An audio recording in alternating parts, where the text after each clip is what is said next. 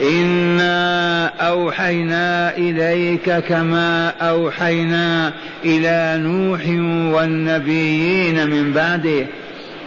واوحينا إلى إبراهيم واسماعيل واسحاق ويعقوب والاسباط وعيسى وايوب ويونس وهارون وسليمان.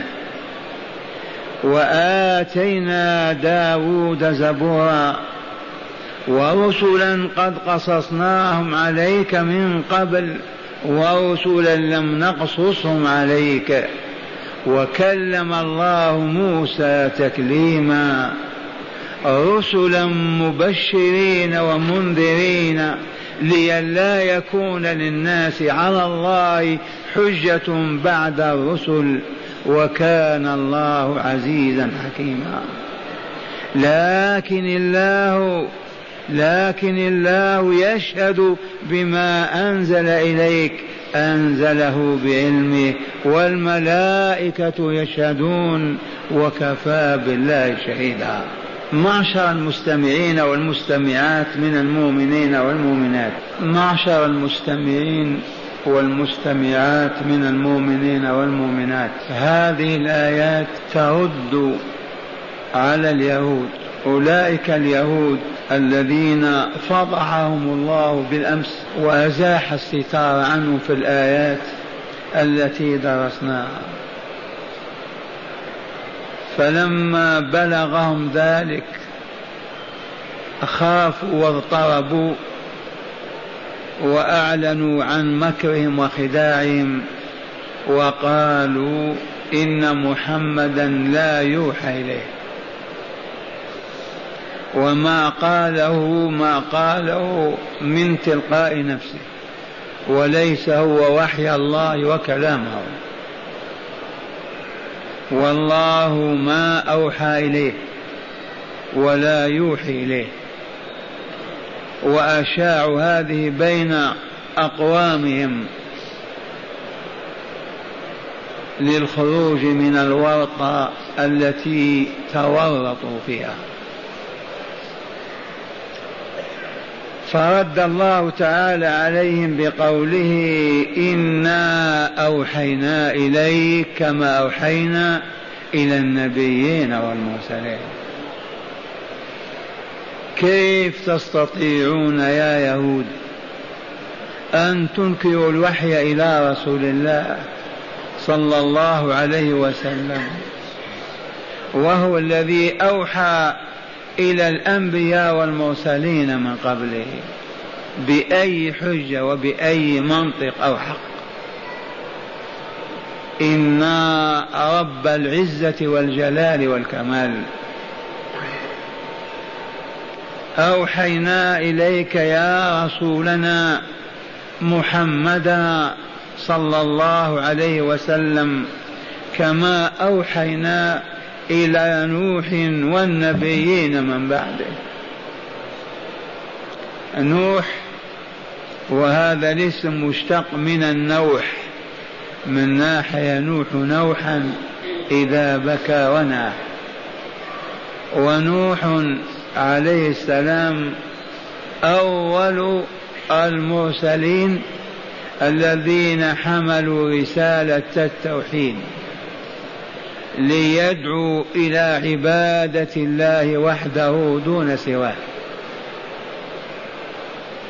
فهو أول رسول حارب الشرك ودعا إلى التوحيد وعاش مع قومه أكثر من ألف سنة تسعمائة وخمسون سنة كان فيها داعيا إلى الله عز وجل.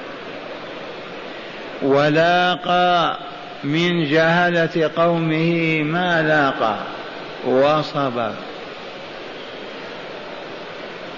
وأخيرا رفع كفيه إلى ربه.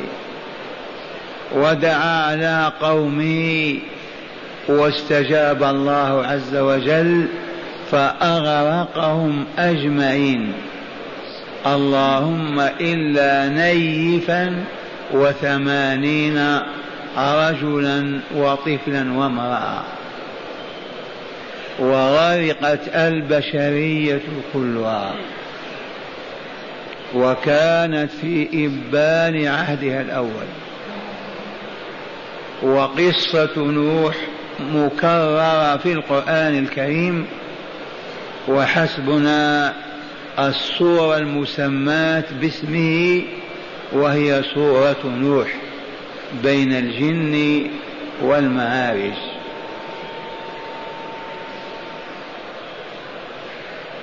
إنا أوحينا إليك كما أوحينا إلى نوح والنبيين من بعده.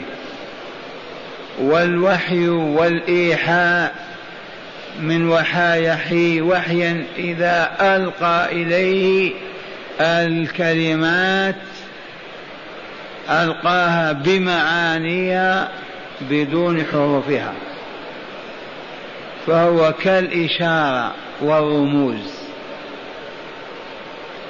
وأوحى إليه يوحي إيحاء إذا أبلغه مراده بطريقة الإيحاء أي السريع الخفي.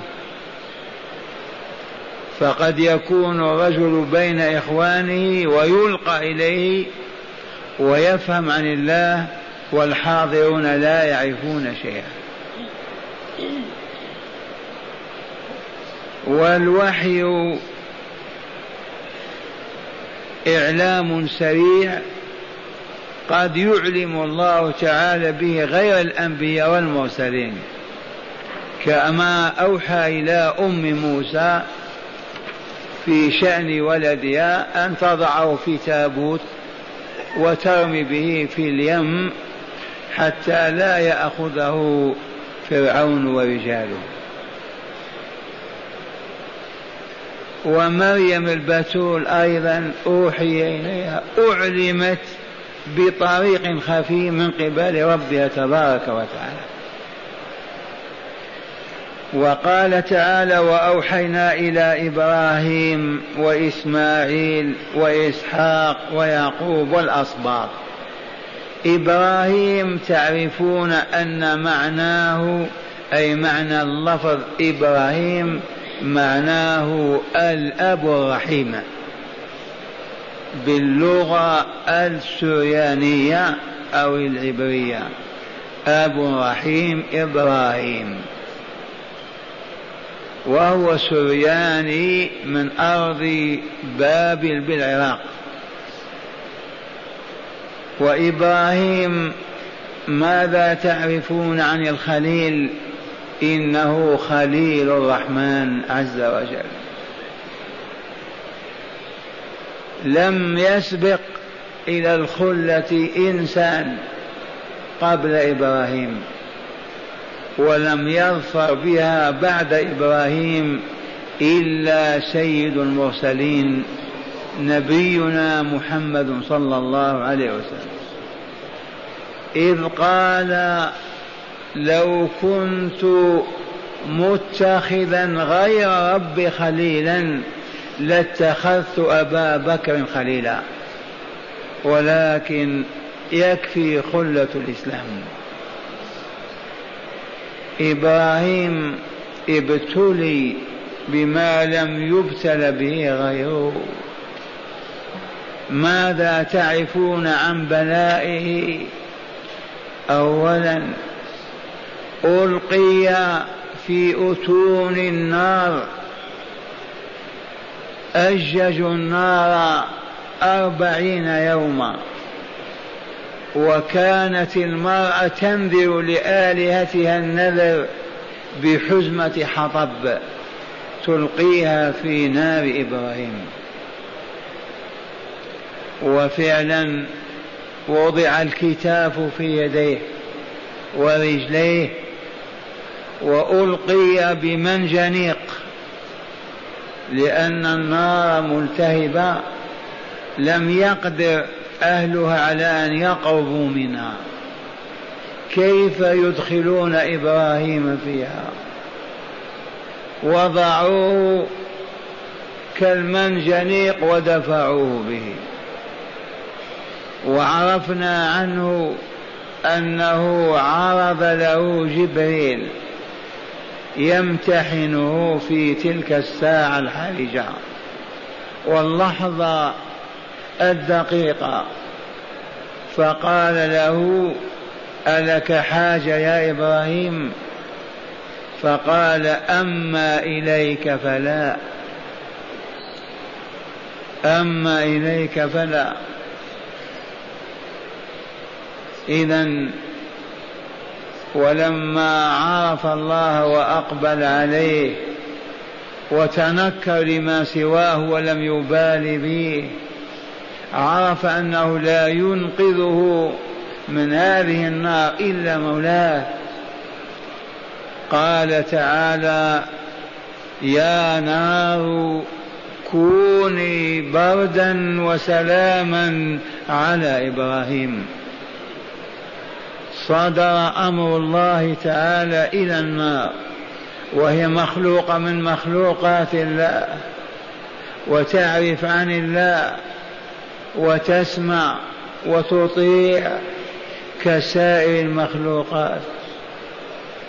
قلنا يا نار كوني بردا وسلاما على إبراهيم. فلم تعد النار على غير الكتاف الذي في يديه ورجليه. وخرج منها يتفصد عرقا.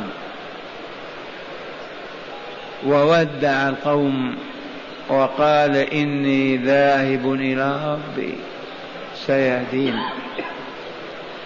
فكانت أول هجرة تقع على الأرض من عبد من عباد الله الصالحين. أول من هاجر من ديار الكفر والشرك والظلم والشر والفساد إبراهيم الخليل إبراهيم بن آزر. إلى أين يذهب؟ إلى أين تذهب يا إبراهيم؟ فقال إني ذاهب إلى ربي سيهديني. رب هب لي من الصالحين. فكان هذا من البلاء وبلية أخرى تذكرونها وهو متجه غربا نحو ديار الشام وتجاوزها إلى الديار المصرية وهو مع زوجه سارة بنت عمه. وأخو وابن أخيه لوط كأنه تركه في الديار الفلسطينية ما واصل معه السير متجها غربا. حدث أن بعض المجرمين أخبروا ملك مصر بأن غريبا من الرجال معه فتاة حسناء جميلة وأنها لا تليق إلا بك يا ملك. فقال ائتوني بها. وجاء أولئك يطلبون امرأة إبراهيم عليهما السلام. فقال لها إبراهيم يا سارة إنه لا يوجد على الأرض هذه مؤمن إلا أنا وأنت فأنا أخوك وأنت أختي فإذا سألك الطاغية عني فقولي أخي ولا تقولي زوجي. لأنها إذا قالت زوجي يقتله ليتخلص منه ثم يتزوج بامرأته. لكن كلمة أخ لا يبالي بها. الأخ يزوج أخته من شاء ومن عجائب تدبير الله وآياته وكراماته لأوليائه وصالح عباده رجالا أو نساء لما حسنوا ثيابها وأصلحوا حالها وكانت في سفر ووضعوها على سرير الطاغية ليداعبها ويكلمها ويؤانسها فكان كلما وضع يده على كتفها يصاب بالشلل الفوري فتيبس يده فيصرخ ويقول لها ادعو مولاك ثلاث مرات. ثم في الأخير قال خذوها عني. أتيتموني بشيطان. ولكن مع هذا سنعها وأعطاها خادم وبغلا ومالا. وجاءت إبراهيم فقالت أهلك الله العدو. خيبه وأذله وأخزاه. هذه هاجر الجارية هي أم أولاد إسماعيل. هاجر القبطية المصرية التي أهداها ملك مصر إلى سارة.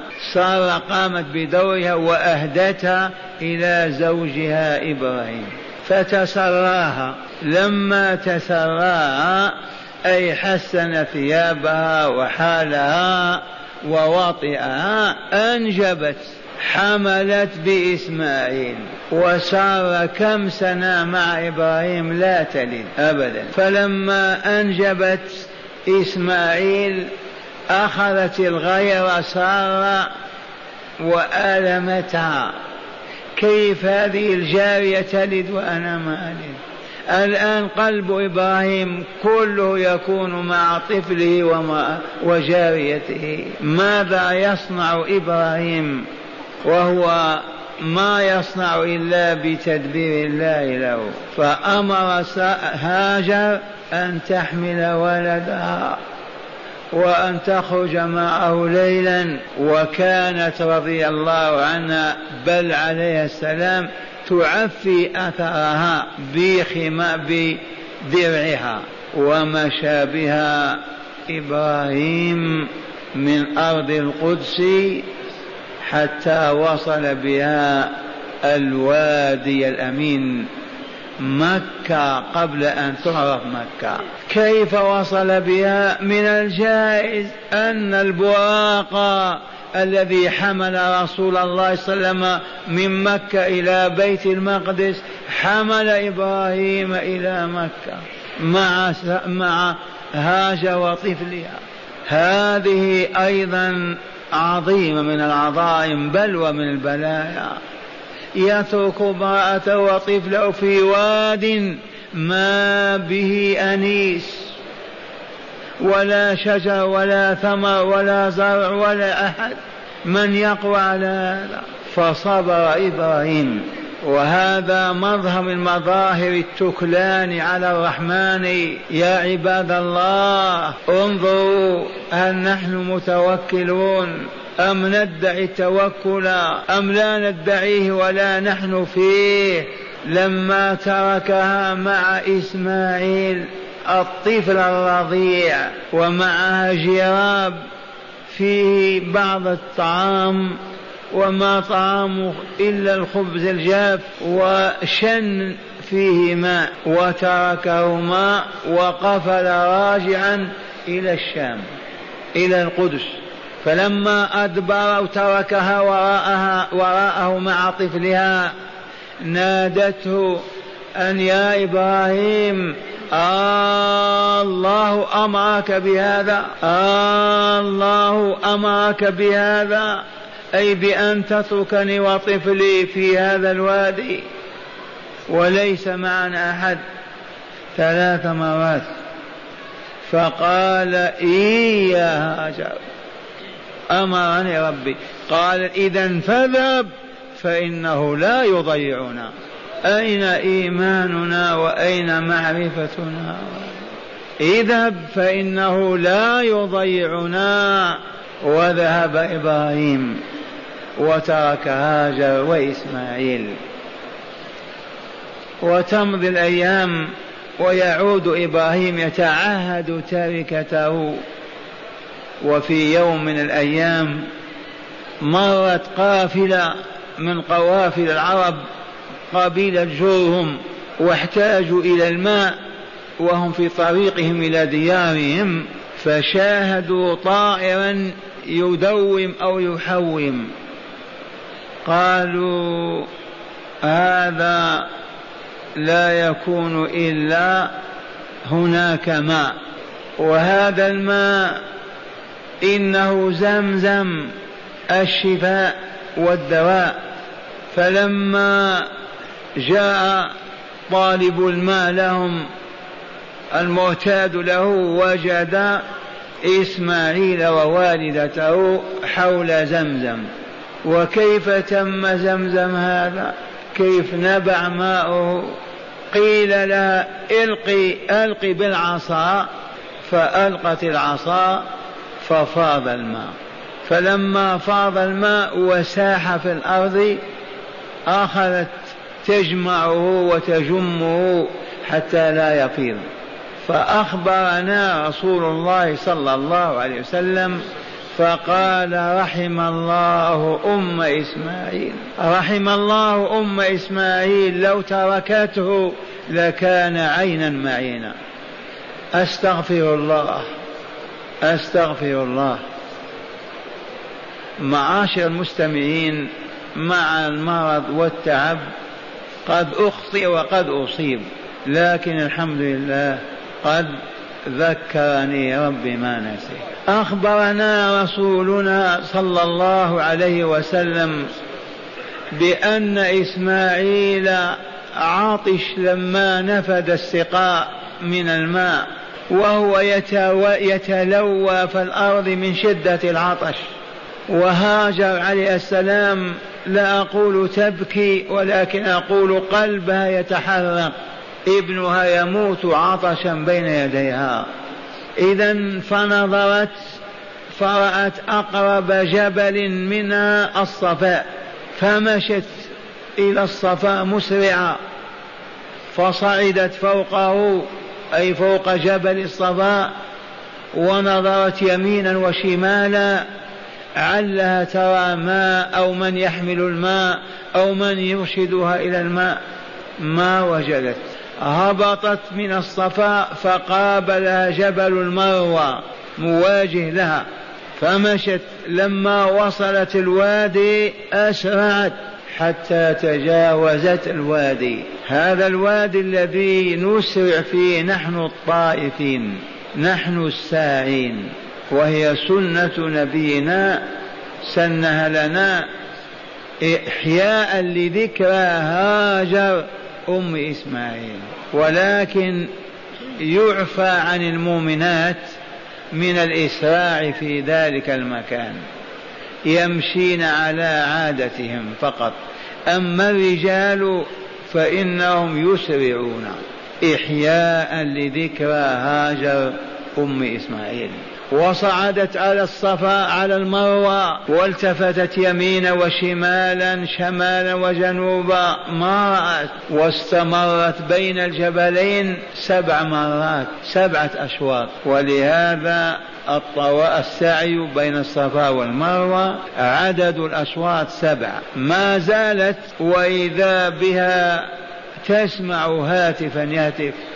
فتقول أسمعت أسمعت. فنظرت فإذا بجبريل عليه السلام واقفا على رأس إسماعيل وإسماعيل يتلوى من شدة العطش.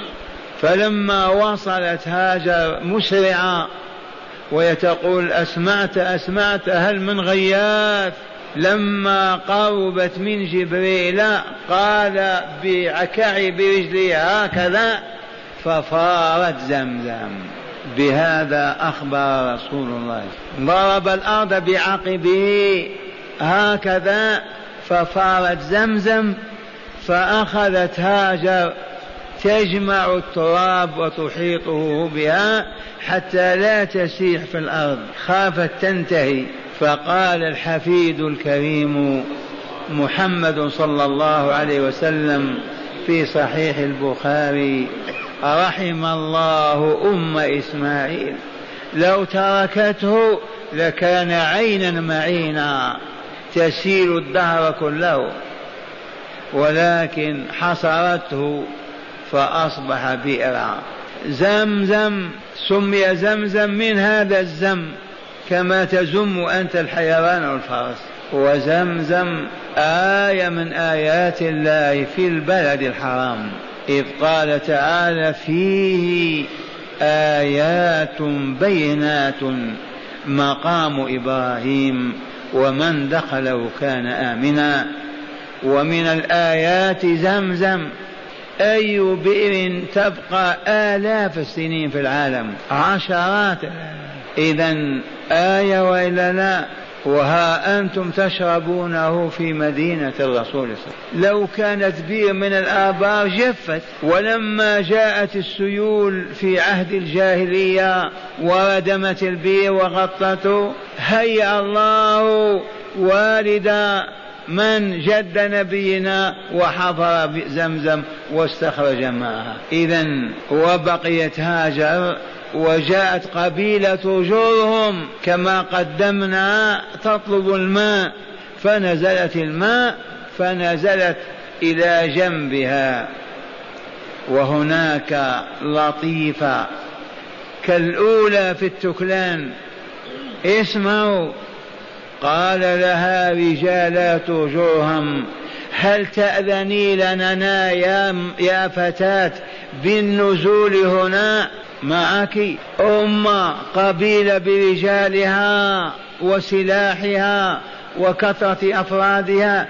تطلب الإذن من امرأة معها طفل يرضع كيف هذا لو كان من هذا النوع أبعدوها أولوا رأسها. يستأذنون. كيف تحللون هذه الظاهرة؟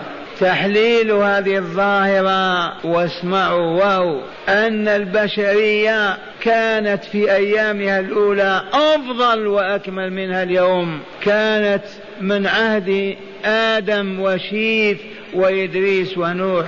كان الكمال معها يكمل ينقص ينقص حتى وصلنا الآن إلى هذه الحال. وما زلنا لا يأتي يوم إلا والذي بعده شر منه. فانظر إلى ذلك الالتزام والاحترام. عجوز مع طفل في وادي قبيلة بكاملها تطلب الإذن منها أن يسم أن تسمح لهم بالنزول عندها عند الماء. فقالت نعم على شرط أن الماء مائي. لا حق لكم في الماء. إن شئت أعطيتكم أو منعتكم. قالوا نعم. لعل السامعين أكثر ما فهم كلمة. البشرية كانت في طهر شيئا فشيئا. ينقص ينقص. من صنع آدم من خلقه؟ أليس الله؟ من وهب أخلاقه وكمالاته البشرية؟ أليس الله؟ أما توارث أولاده هذه الصفات وهذه الكمالات؟ إذا شيئا فشيئا والبشرية. الآن على عهد رسول الله 1400 سنة العرب المشركون أخلاقهم أرفع من أخلاقنا نحن المؤمنين في مجالات كثيرة. إذا وكان إبراهيم يتعهد تركته فيأتي من أرض القدس فجاء يوما وإذا بإسماعيل الذي كان رضيعا أصبح غلاما زكيا طاهرا نقيا قارب أن يعمل مع أمه. ولو يخرج لها الماء فجاء إبراهيم وناجى إسماعيل وقال يا إسماعيل يا بني إني أرى في المنام أني أذبحك فانظر ماذا ترى. يا بني إني أرى في المنام أني أذبحك. فانظر ماذا ترى. ورؤيا الأنبياء وحي. وهذا خاتمهم صلى الله عليه وسلم. كان ستة أشهر لا يوحى إليه إلا في المنام. ستة أشهر. ورسول الله صلى الله عليه وسلم يتلقى الوحي مناما لا يقظة بعد ستة أشهر دخل رمضان. الربيع الأول والثاني وجمادة وجمادة أقول ستة أشهر قبل الوحي. ما هي الأشهر الستة؟ إذا نقول جمادة وجمادة رجب شعبان لا ربيع إذا ومن هنا يقول لنا صلى الله عليه وسلم الرؤيا الصالحة. جزء من ستة وأربعين جزءا من النبوة. الرؤيا المنام الصالحة. جزء من ستة وأربعين جزءا من النبوة. كيف ذلك؟ الرسول صلى الله عليه وسلم عاش نبيا ورسولا ثلاثا وعشرين سنة. السنة كم شهر فيها؟ اثنا عشر. اقسم الثلاثة وعشرين على اثنين نعم ستة, ستة وأربعين. منها ستة أشهر كانت مناما مرة ثانية. نبئ رسولنا صلى الله عليه وسلم ثلاثة وعشرين سنة وإلا لا؟ ثلاثة وعشرين سنة كل سنة كم فيها من شهر؟ جزئين. تصبح ستة وأربعين ولا لا؟ فلهذا الرؤيا الصالحة من العبد الصالح جزء من ستة وأربعين جزءا من النبوة. يا بني إني أرى في المنام أني أذبحك فانظر ماذا ترى. قال الغلام الزكي الطاهر يا أبت افعل ما تؤمر. ستجدني إن شاء الله من الصابرين. أين أبناؤنا وأين آباؤنا؟ هل آباؤنا يستشيروننا في قضية هذه بهذا اللفظ. فانظر ماذا ترى.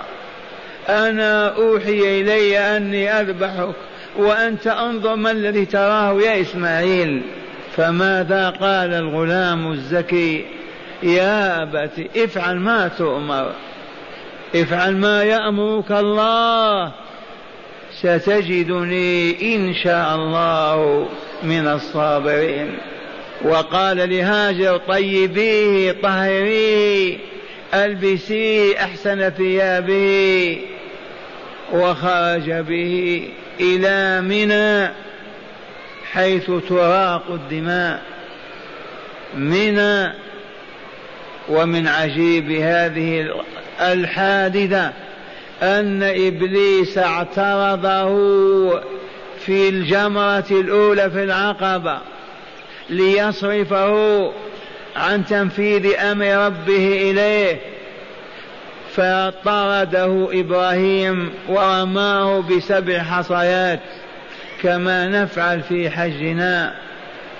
فهرب إبليس ومشى إسماعيل مع إبراهيم حتى وصل مكان الحجر الحجر الأوسط الوسطى. فوقف له ماذا يفعل ربك بهذا الصغير؟ ما لك يا إبراهيم؟ أين يذهب بعقلك؟ ربك يحتاج إلى ذبح هذا الولد. فعرفه فلعنه ورماه بالجمار. ومشى حتى وصل الجمرة الأولى. وثم تله للجبين. صرعه على الأرض والمدي في يده. معشر المؤمنين أي ابتلاء أعظم من هذا؟ يؤمر العبد أن يذبح طفله. كيف يتم؟ والله إن المدي لفي يده.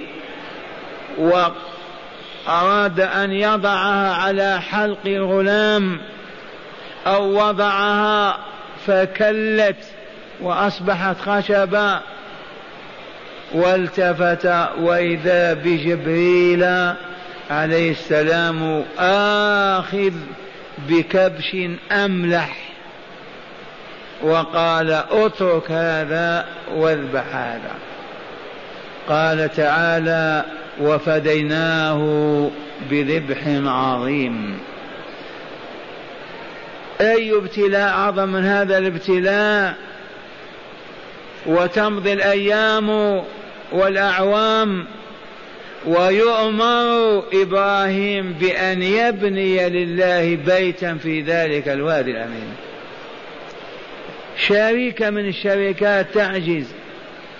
لا حولها مياه ولا ولا ولا كيف.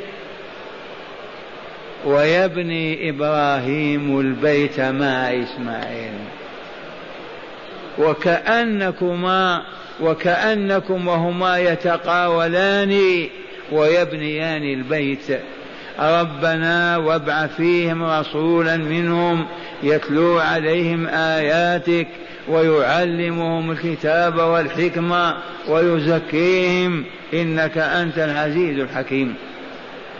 ولما ارتفع البناء وعجز إبراهيم عن رفع الحجارة إلى الحائط ما في آلات فطلب من إسماعيل فجاءوا بالحجر المعروف المقام. من جبل سلع يدردبه جبل أبي قبيس. وعلى فوقه وكلما بنى جانب داره وانتهى عند باب ما بين الحجر والباب. ثم جاءت السيول فرجعت به إلى مكانه الآن. من عهد إبراهيم. هنا قال تعالى وإذ ابتلى إبراهيم ربه بكلمات فأتمهن. هذه الكلمات هي الأوامر القاسية الشديدة. وقد استعرضناها واحدة بعد أخرى. هنا حق لإبراهيم أن يتوج بتاج العز والفخار. قال تعالى وإذ ابتلى إبراهيم ربه بكلمات فأتمهن قال إني جاعلك للناس إماما. أنت إمام الناس بالامتحان والنجاح وإلا لا. أي امتحان أعظم من هذا الامتحان؟ ذبح الولد وقبله الهجرة وقبله وقبله. قال إني جاعلك للناس إماما. قال ومن ذريتي. هذه الرحمة الإبراهيمية الإبراهيمية إذ هو الأب الرحيم. قال ومن ذريتي يا ربي اجعل فيهم الأئمة هذا ما يسمى بولاية العهد. طلب ولاية العهد.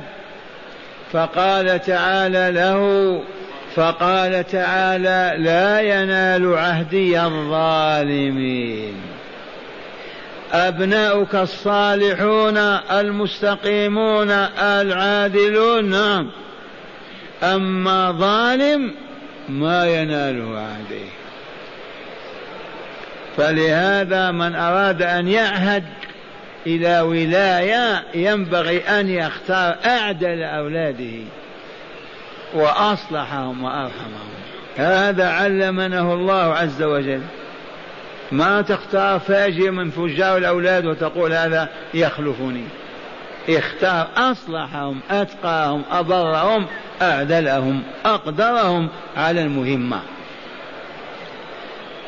وهذا في كل من يريد أن يولي غيره على مهمة من المهام حتى في بيتك. لا ينال عهدي الظالمين. إبراهيم الأب الرحيم هو الذي قال من صورته ربنا إني أسكنت من ذريتي بواد غير ذي زرع عند بيتك المحرم.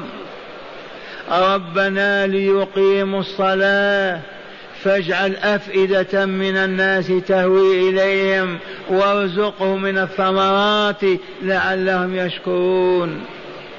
وارزقهم من الثمرات لعلهم يشكرون.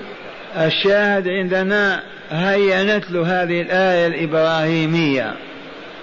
يقول تعالى عنه بعد ما بنى البيت وسكن إسماعيل وأمه ربنا إني أسكنت من ذريتي. قال من ذريتي لعله كان يتطلع إلى ذرية آخرين. وقد رزقه الله إسحاق من سارة بنت عمه. ولعل في هذا الوقت كانت سارة قد ولدت وبشرناه بإسحاق ومن وراء إسحاق يعقوب. إني أسكنت من ذريتي بواد غير ذي زرع عند بيتك المحرم. ربنا ليقيموا الصلاة. ربنا ليقيموا الصلاة. فاجعل أفئدة تهوي إليهم من الناس وارزقهم من الثمرات لعلهم يشكرون. لماذا قال ليقيموا الصلاة؟ من يفسر هذه الظاهرة؟ يا رب ارزقهم من الثمرات من أجل أن يصلوا. هكذا. وارزقهم من الثمر ربنا ليقيموا الصلاة. فاجعل أفئدة من الناس تهوي إليهم وارزقهم من الثمرات. البيان معاشر المستمعين والمستمعات. اعلموا أن سر الحياة هو أن يعبد الله فيها. علة الوجود بكامله هو أن يعبد الله فيه. أعد هذه المدينة وهيأها وهيأ كل متطلبات الحياة فيها وأنزل آدم وحواء من أجل أن يعبد الله فيها. وأعظم عبادة ولا تساويها أخرى إقام الصلاة لأنها تجعل العبد يتصل بربه ويقف بين يديه ويناجيه ويكلمه خمس مرات في الأربع وعشرين ساعة. فلهذا تارك الصلاة كافر. ما آمن بالله ولا عرفه. والمقيم للصلاة هو العابد لله. فهم هذا إبراهيم لما قال ربنا ليقيموا الصلاة اجعل لهم كذا وكذا.